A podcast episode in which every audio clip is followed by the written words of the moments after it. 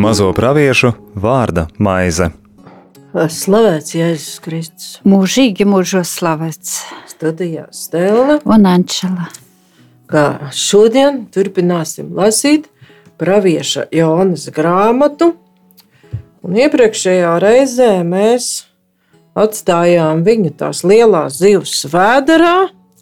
Sapratām, ka īsti nu, zooloģiski noskaidrot, kas tā pa zivi, diez vai būs iespējams. Ir tādas pat, versijas, ka tas varētu būt reāls notikums, kaut gan drīzāk tas varētu būt simbolu valodā izskaidrots notikums, kā notiek, ja cilvēks grib īstenot savu gribu pret dieva gribu.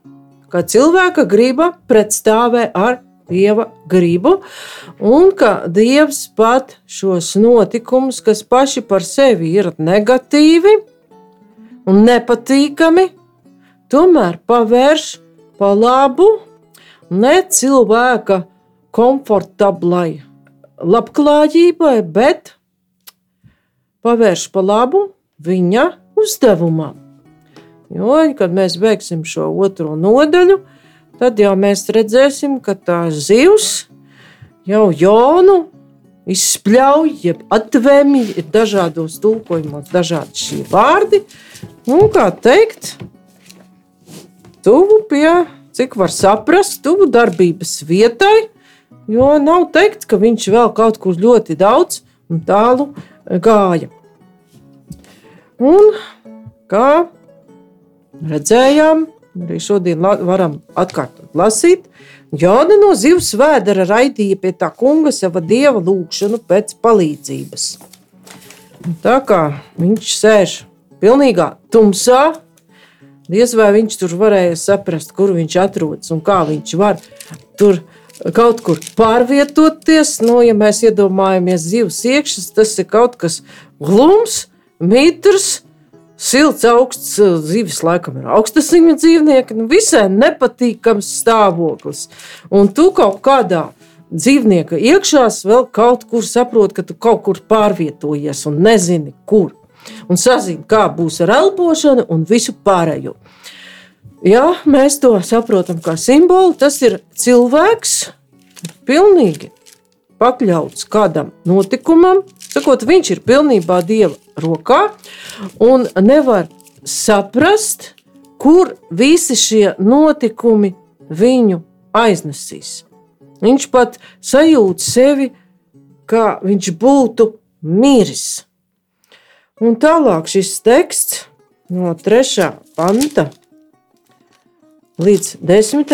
pantam ir rakstīts psalma formāts. Tas ir kā ļoti skaists psalms, kuru, ja mēs pētītu psalmus, nosauktu kā lūkšana pēc dieva palīdzības. Un redzēsim, ka Jona jau saprot, ka viņš šos palīdzības saņems. Jo desmitā pantā mēs redzam jau solījumu par pateicības upuriem. Bet ar pateicības prieku es nesīšu tev upuru, savu solījumu upurus, es tev pienesīšu. Glābšana ir pie kunga. Kā tādā veidā Jona noslēdz savu psalmu situācijā, kad noticis vēl nav nekas. Viņš sēž ļoti nērtos apstākļos, tumsā un zivs vēderā, bet viņš jau runā par glābšanu pie kunga un runā par šo pateicību, kā jau saņemtu glābšanu, kā jau saņemtu kunga dāvanu. Arī šeit mēs varētu uh, izlasīt Iesaja, Pravieša Iesaja grāmatā 38. nodaļā, kur uh, pa Hiskijas saslimšanu jau, un šeit jau 17. pantā, kur uh, ķēniņš saka, Redzi, rūktum rūktais nāk man par labu. Tu izrāvi manu dvēseli no nīcības bedres, tu sev aiz muguras aizliki visus manus grēkus. kad eh, Dievs nāk un mūs glābj no visām briesmām, tad mēs arī saprotam to, kā mums ir iespēja vienmēr atgriezties pie Viņa. Paldies! Un tas bija no. Tā, un izrādās, ka arī otrā ķēniņa grāmatā, 18. nodaļā, ir par ķēniņu Hiskiju tāds vārds tieši par šo paļāvību uz kungu. Un tur nav tieši runa par šo slimību, bet tieši par paļāvību. Viņš paļāvās uz to kungu, Izraēla dievu, un pēc viņa nebija otra tāda kā viņš starp visiem jūdas ķēniņiem. Arī priekš viņa tāda nebija bijis. Viņš cieši pieķērās tam kungam. Viņš no dieva nenovērsās un sargāja tos baušļus, ko tas kungs bija caur mūzu pavēlējis. Un tad arī otrā ķēniņa grāmatā ir par ķēniņu Hiskiju un viņa pieķeršanos kungam. Un arī tas, kā eh, saka, tā slimība attīstīties ķēniņam. Hiskie pagriezās pret sienu, lūdza kungu un sacīja: Ak, kungs! Atceries taču, ka es staigāju tavā priekšā patiesībā un no visas sirds, un ka es darīju labu, un Hiskija gauži raudāja.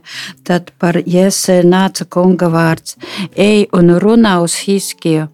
Tā saka tava tēva Dāvida Dievs. Es sadzirdēju tavu lūgšanu un redzēju tavas asaras. Redzi, es pielikšu tavai dzīvei vēl 15 gadus.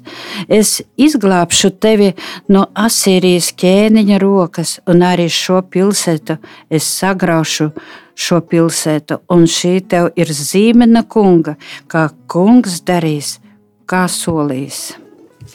Paldies! Šeit ir vairāk paskaidrots šajā fragmentā par to, kādi bija šie ķēniņa Hiskijas apstākļi. Viņš bija slims, no šī stāsta var saprast, un kad viņš bija uz nāvi, slims, bet Dievs sadzird viņa lūgumu un pieliek viņa dzīvē vēl 15 gadus. Un arī slimība ir kā tāda atrašanās, Zivs vēderā, jo smagas slimības laikā cilvēks nezina, kas ar viņu būs tālāk. Viņš ir nobijies un viņš ir tumsā. Un tad ir šie divi varianti, par kuriem es iepriekš jau teicu, ka daļa cilvēku sauc uz kungu, paļaujas, ir šī paļāvība, bet var būt arī tas, ka cilvēks pilnībā aizveras uz kungu. Arī tāda varbūtība nav izslēgta. Un varbūt to nosaka arī, kādas ir viņa attiecības ar Dievu dzīves laikā, kā viņš ir audzināts, kāda ir viņam šī Dieva uztvere. Vai viņš spēja pieņemt eh, Dievu kā draugu, vai tomēr kā tādu neaprēķināmu lielu varu, kas var būt arī naidīga. Un šeit mēs arī nevarētu neizlasīt Lūkas evanģēliju Jēzus lūdz Olivu kalnā. Tā ir mums, tā ir mums 22. nodaļa. Jā. Izgājis viņš, kā ieradis, devās uz Olivu kalnu, un arī mācekļi viņam sekoja. Un tajā vietā nonācis, viņš tiem sacīja: Lūdziet Dievu, ka jūs nekrītat kārdināšanā. Viņš aizgāja no tiem sāņas akmens metienas attālumā un ceļos nometies lūdza Dievu. Tēvs, ja tu gribi ņem šo bikeri prom no manis, tomēr lai notiek nevis mana, bet tava griba. Tad viņam parādījās eņģelis no debesīm un viņu stiprināja. Nāves baļu pārņemts, viņš lūdza Dievu vēl stiprāk, un viņa sviedri, kā biezas asins lāses, ritēja zemē. No lūkšanas piecēlies, viņš nāca pie mācekļiem.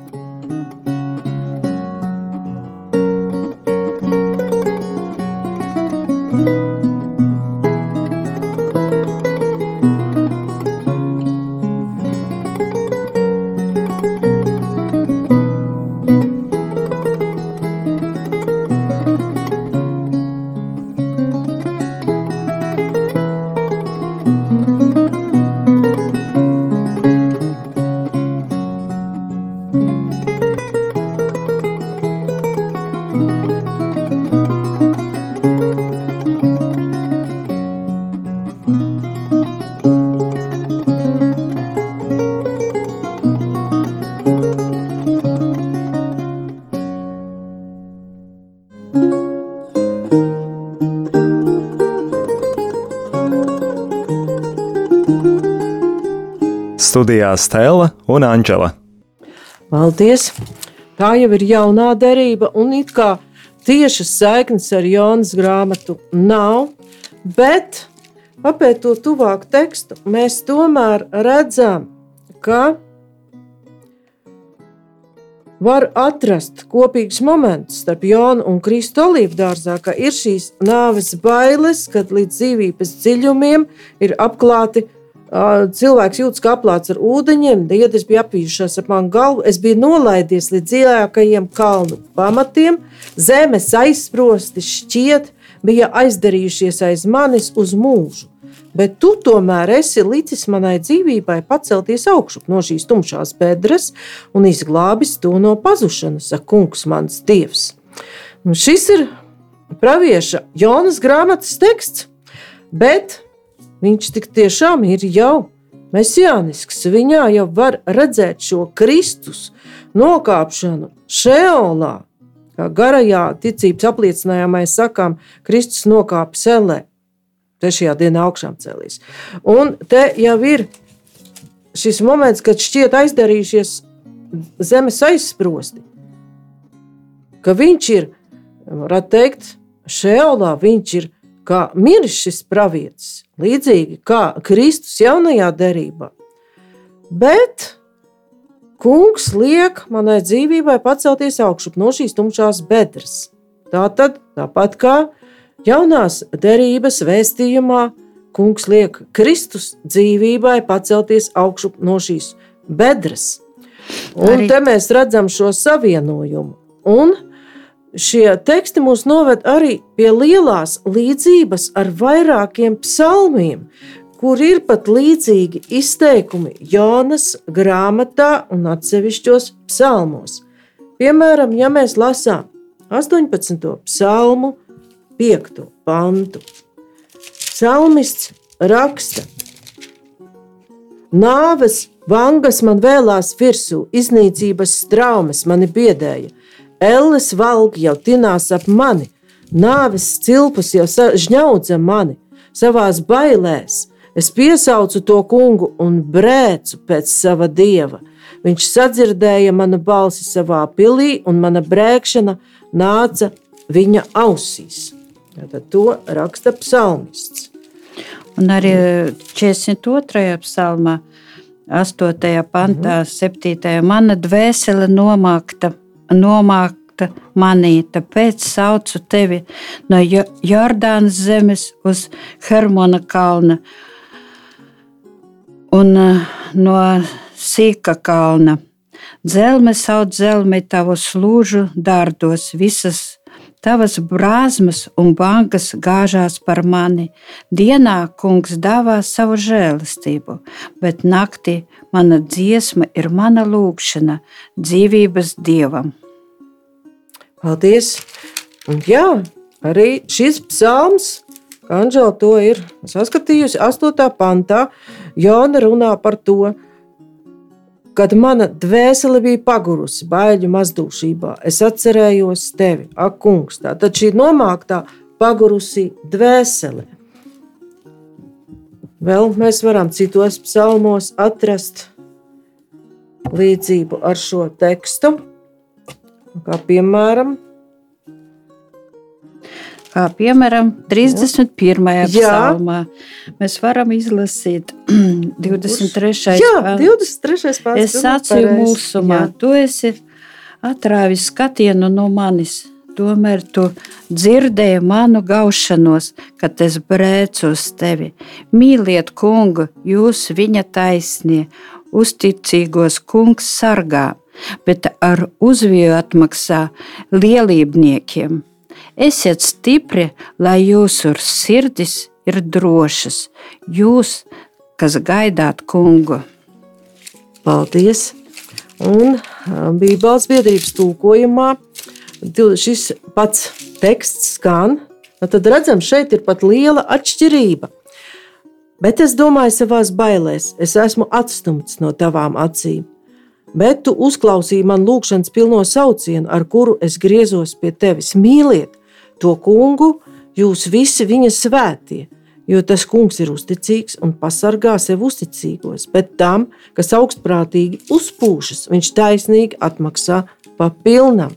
Esiet drosmīgi un dariet stipras savas sirdis jūs visi, kas cerat uz to kungu.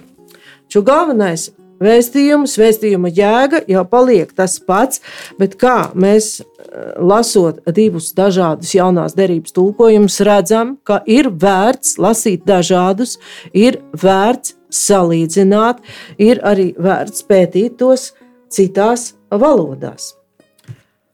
Un arī mēs varētu vēl izlasīt pirmā ķēniņa grāmatā, 8. nodaļā, Salamāna lūkšana, tempļa iesvētīšana, ko viņš lasa uh, visai ebreju tautai. Ja debesis aizslēgtos un nelītu lietus tādēļ, ka viņi ir grēkojuši pret tevi, bet viņi lūdz šajā vietā un atzīst tavu vārdu un atgriežas no saviem grēkiem, kaut tu esi viņus pazemojis, tad tu uzklausi no debesīm un piedod grēkus saviem kalpiem un Izraēla tautai, jo tu viņiem mācīsi labo ceļu, pa kuru staigāt, un sūtīsi lietu pār zemi, kuru tu esi devis savai tautai mantojumā. Ja zeme ir bats, mēris, sausums, labības rūsa, sisiņa, kukaiņa vai arī ienaidnieks ceļas pret zemes vārtiem un nāk postā un sērgas, tad ikvienu lūkšanu, ikvienu pielūgšanu, ko tev lūdz jebkurš cilvēks no visas tava Izraēļa tautas, kurš savās sirdī izprot postu un izstiep roku pret šo namu, tu uzklausi no debesīm savas mājvietas, piedod un atdari pēc viņa darbiem, jo tu vienīgais zini viņa sirdi. Tu proti atšķirt katra cilvēka sirdi. Paldies! Ļoti lasījums ir ļoti garš, un man pat ir grūti atcerēties, kas tur bija sākumā.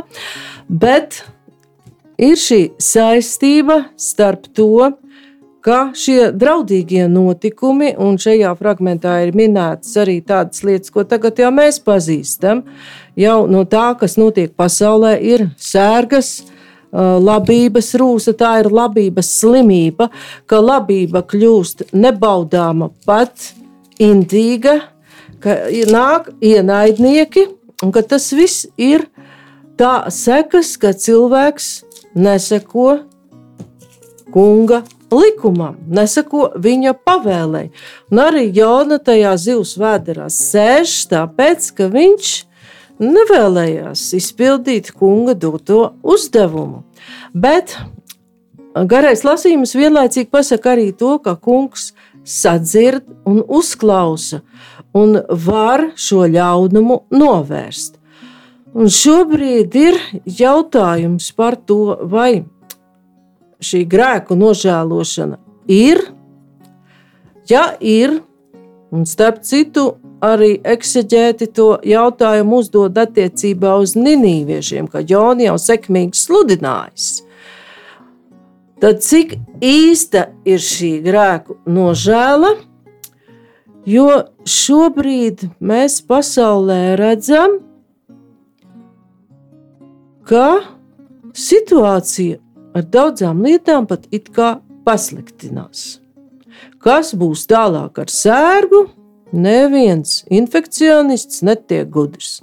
Ne Pasaules veselības organizācijā, ne pašmājās. Kas notiek pie Ukraiņas robežas? Un, ka tur ir Krievijas karaspēks, kā attīstīsies situācija tālāk, mēs nezinām. Ir aicinājumi lūgt par šīm lietām kungu, Bet šobrīd šķiet ir šis moments, ka liekas, ka kungs nedzird. Ir tāda situācija, ka Jēzus laivā guļ. Un atklāts paliek jautājums, kāpēc?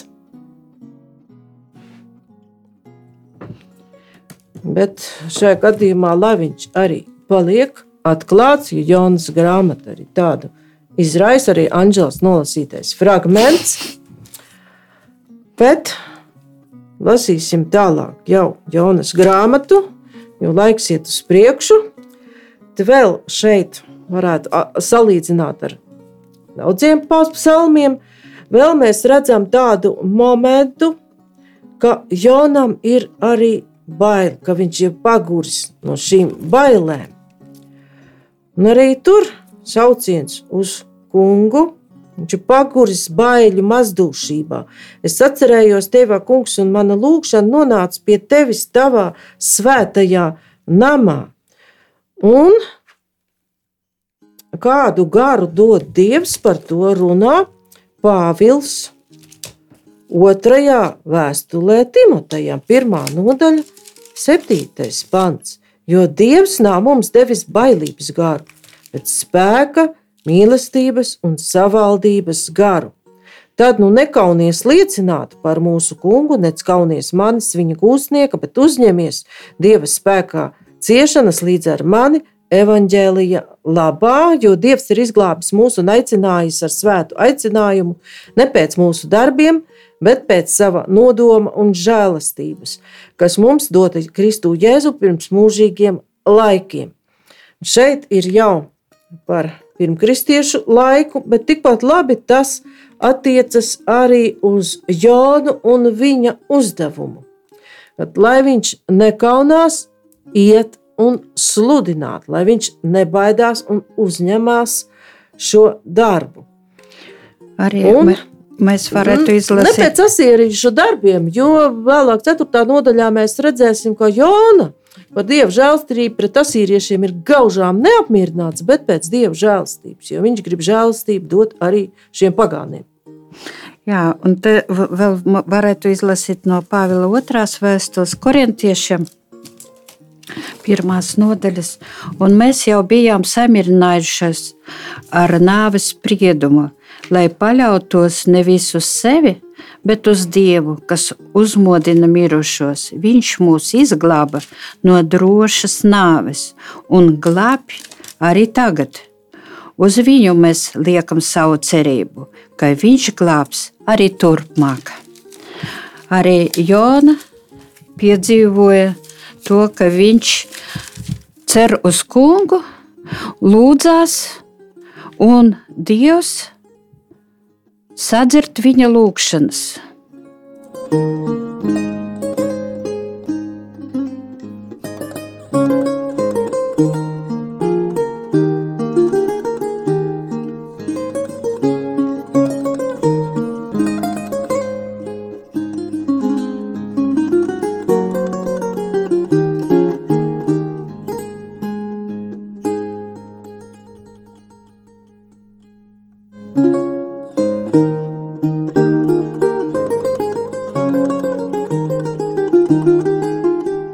Studijā Stela un Anģela. Paldies! Kā mēs varam redzēt Jonas lūkšanā, viņa psalmā, arī to, ka viņš jau zina, ka Dievs sadzirdēs viņa lūgšanu. Viņš it kā nostājas uz vienas laika līnijas ar kungu, jo Dievam viss ir vienlaicīgi, viņam viss ir mūžīgā tagadne, un jau runā ar pateicības prieku nesīšu tev savus upurus. Un vēl ir īsa tāda Jonas piebilde 9. pantā, kur viņš tomēr salīdzina viltus dievības ar savu dievu. Būt tas ir tāda vēl viņa atcere par šiem dažādajiem cilvēkiem, kuri tic dažādiem dieviem. Tie, kuri turas pie nīcīgām viltus dievībām, zaudē savu žēlastības tiesu tad zaudē arī šo iespēju tikt izglābtiem dažādās nozīmēs. Un, kā redzam, kungs atrisina šo situāciju.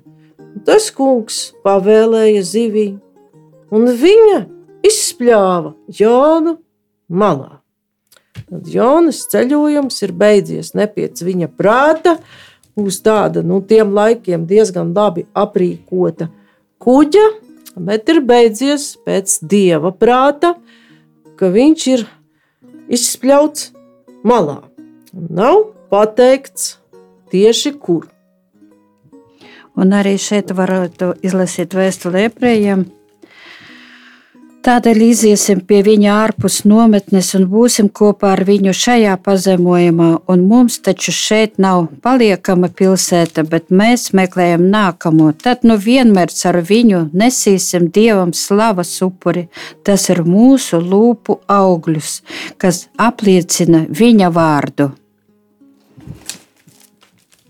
ka mēs slavēsim Dievu, mēs pateik, varam pateikties Dievam par to, ka Viņš ir mūsu glābējs, ka Viņš ir mūsu, ka mēs varam būt kopā ar Viņu un vienmēr vērsties ar visām lūkšanām, ar visu tas, kas katram cilvēkam nepieciešams, ar to visu mēs arī varam paļauties pilnībā uz mūsu kungu Un vienmēr mūsu kungs ir tas uzticīgais kungs, Dievs, kas vienmēr ir mums klātesošs un kur sadzird arī mūsu lūgšanas pa mums pašiem, pa mūsu tuvākajiem, pa mūsu situāciju, pa viss, kas cilvēkam nepieciešams. Un Dievs arī tādā arī palīdz atrisināt tās lietas un lūksnes, kuras tiek vērstas pie viņa. Un, jā, atrisina cilvēkam to visu. Nu, dažreiz atrisina, dažreiz neatrisina. Un ir jautājums, tad kāpēc? Un kā pretnostatījums ir tas, ko varam lasīt otrā ķēniņa grāmatā, 17. nodaļā. Un 15. pantā, vai šī lūkšana tomēr ir kopā ar dieva likumu respektēšanu un viņa pildīšanu, vai nē. Un tie nicināja viņa likums un viņa derību, kur viņš bija devis viņa tēviem, un viņa liecības, ar kurām viņš bija viņus brīdinājis. Bet tie kalpoja māņu dieviem, kļuva tukši un sekoja apkārtējām tautām, no kurām tas kungs bija viņus brīdinājis, lai viņi nedara tā kā tās. Tad varbūt arī To Jona atcerās un piemin, sēžot šīs zivs vēderā. Bet viņš tagad ir izspļauts malā. Mēs varam skatīties, kas notiek tālāk. Kaut gan ilgu, ilgu laiku mēs to nevarēsim pētīt, jo laiks iztek, bet tomēr. Otrais nāca tā kunga vārds par Jonu. Celies un ej uz lielo pilsētu Ninivi un sludini tai, ko es tev teikšu. Tad atkārtoti Dievs dod šo aicinājumu. Pirmā nodaļā mēs lasījām, celies un dodies uz lielo pilsētu Nīdivi, norāja to un paziņoja tai, ka tās ļaudie darbi jau nonākuši mana vaiga priekšā. Un šeit Kungs atkārto šo aicinājumu un sludina tai, ko es tev teikšu. Tā tad arī pie Jonas, acīm redzot, piepildījās tas pats, kas ir vienā no evaņģēlījiem, ka nedomājiet, ko jūs teiksiet, ja cilvēks tiek kunga vārda dēļ vests dažādu zemes valdnieku priekšā. Nedomājiet, ko jūs teiksiet, jo gars dos to, ko teikt. Un šoreiz Jona nekur nemūk. Jona cēlās un gāja uz Nīnivi, kā tas kungs bija teicis. Un te nav teikt, cik ilgi viņš gāja. Varam pieņemt, ka viņam nekur tālu nebija jāiet, ka cīm redzot, tas dzīvais transports milzīgais bija parūpējies, lai Jona nonāktu pēc iespējas tuvāk notikuma vietai un savu izdevumu izpildes vietai. Un stāv rakstīts, ka Niniva bija liela pilsēta dieva priekšā. Lai tai apietu apkārt un to kurmet iztaigātu, bija vajadzīgas trīs dienas. Jona iesāka staigāt pa pilsētu un paveica veselas dienas gājumu. Viņš sludināja un teica, vēl tikai 40 dienas, tad Niniva tiks galīgi nopostīta. Nu, tā tad šeit ir neliels ieskats, kāda tā ninīva īsti varētu būt bijusi. Un ka viņš ir trīs dienu gājums, un viņš ir gājis vienu dienu. Nu, patreiz ir tikai Nīnīvas drupas, tās atrodas, es jau iepriekš minēju, blakus Mosulai, Irākā un 2015. gadā šīs senās Asīrijas pilsētas drupas vēl krietni ir papostījuši islāma kaujinieki. Nu, tā kopējā platība 7,5 km2. Vai tas attiecas uz to, kas bija toreiz, vai to, kas ir palicis pāri tagad, tā arī ziņu avotā nebija skaidrs. Bijusi varana pilsēta, Asīrijas galvaspilsēta 8. un 7. gadsimtā pirms mūsu ēras, un ap 50 gadu ilgā laika posmā tā ir bijusi lielākā pilsēta pasaulē. Kaut gan es minēju, ka asīrieši bija karavīgi ļaudis, un viņiem bija lieliska kara mašīna un teicama aprīkot armiju, bet gluži bez zinātnes un kultūras viņi arī ne, izrādās, ka nav dzīvojuši. Un 7. gadsimtā pirms mūsu ēras valdnieks Ašurbadipals Nīnīvē izveidoja lielu bibliotēku ap 20 tūkstošu māla plāksnes ķīļrakstā, kurā ir arī varbūt kādam pat pazīstamā poēma par Gilgamešu. Sagrauta Nīnīva ir 612. gadā pirms mūsu ēras. Bet tālāk ar Nīnīvi un Jonas sludināšanu un tās rezultātiem iepazīsimies jau nākamajā reizē. Šodien paldies par uzmanību! Studijā bija Stela un Anģela. Izskanēja raidījums Mazo praviešu vārda maize.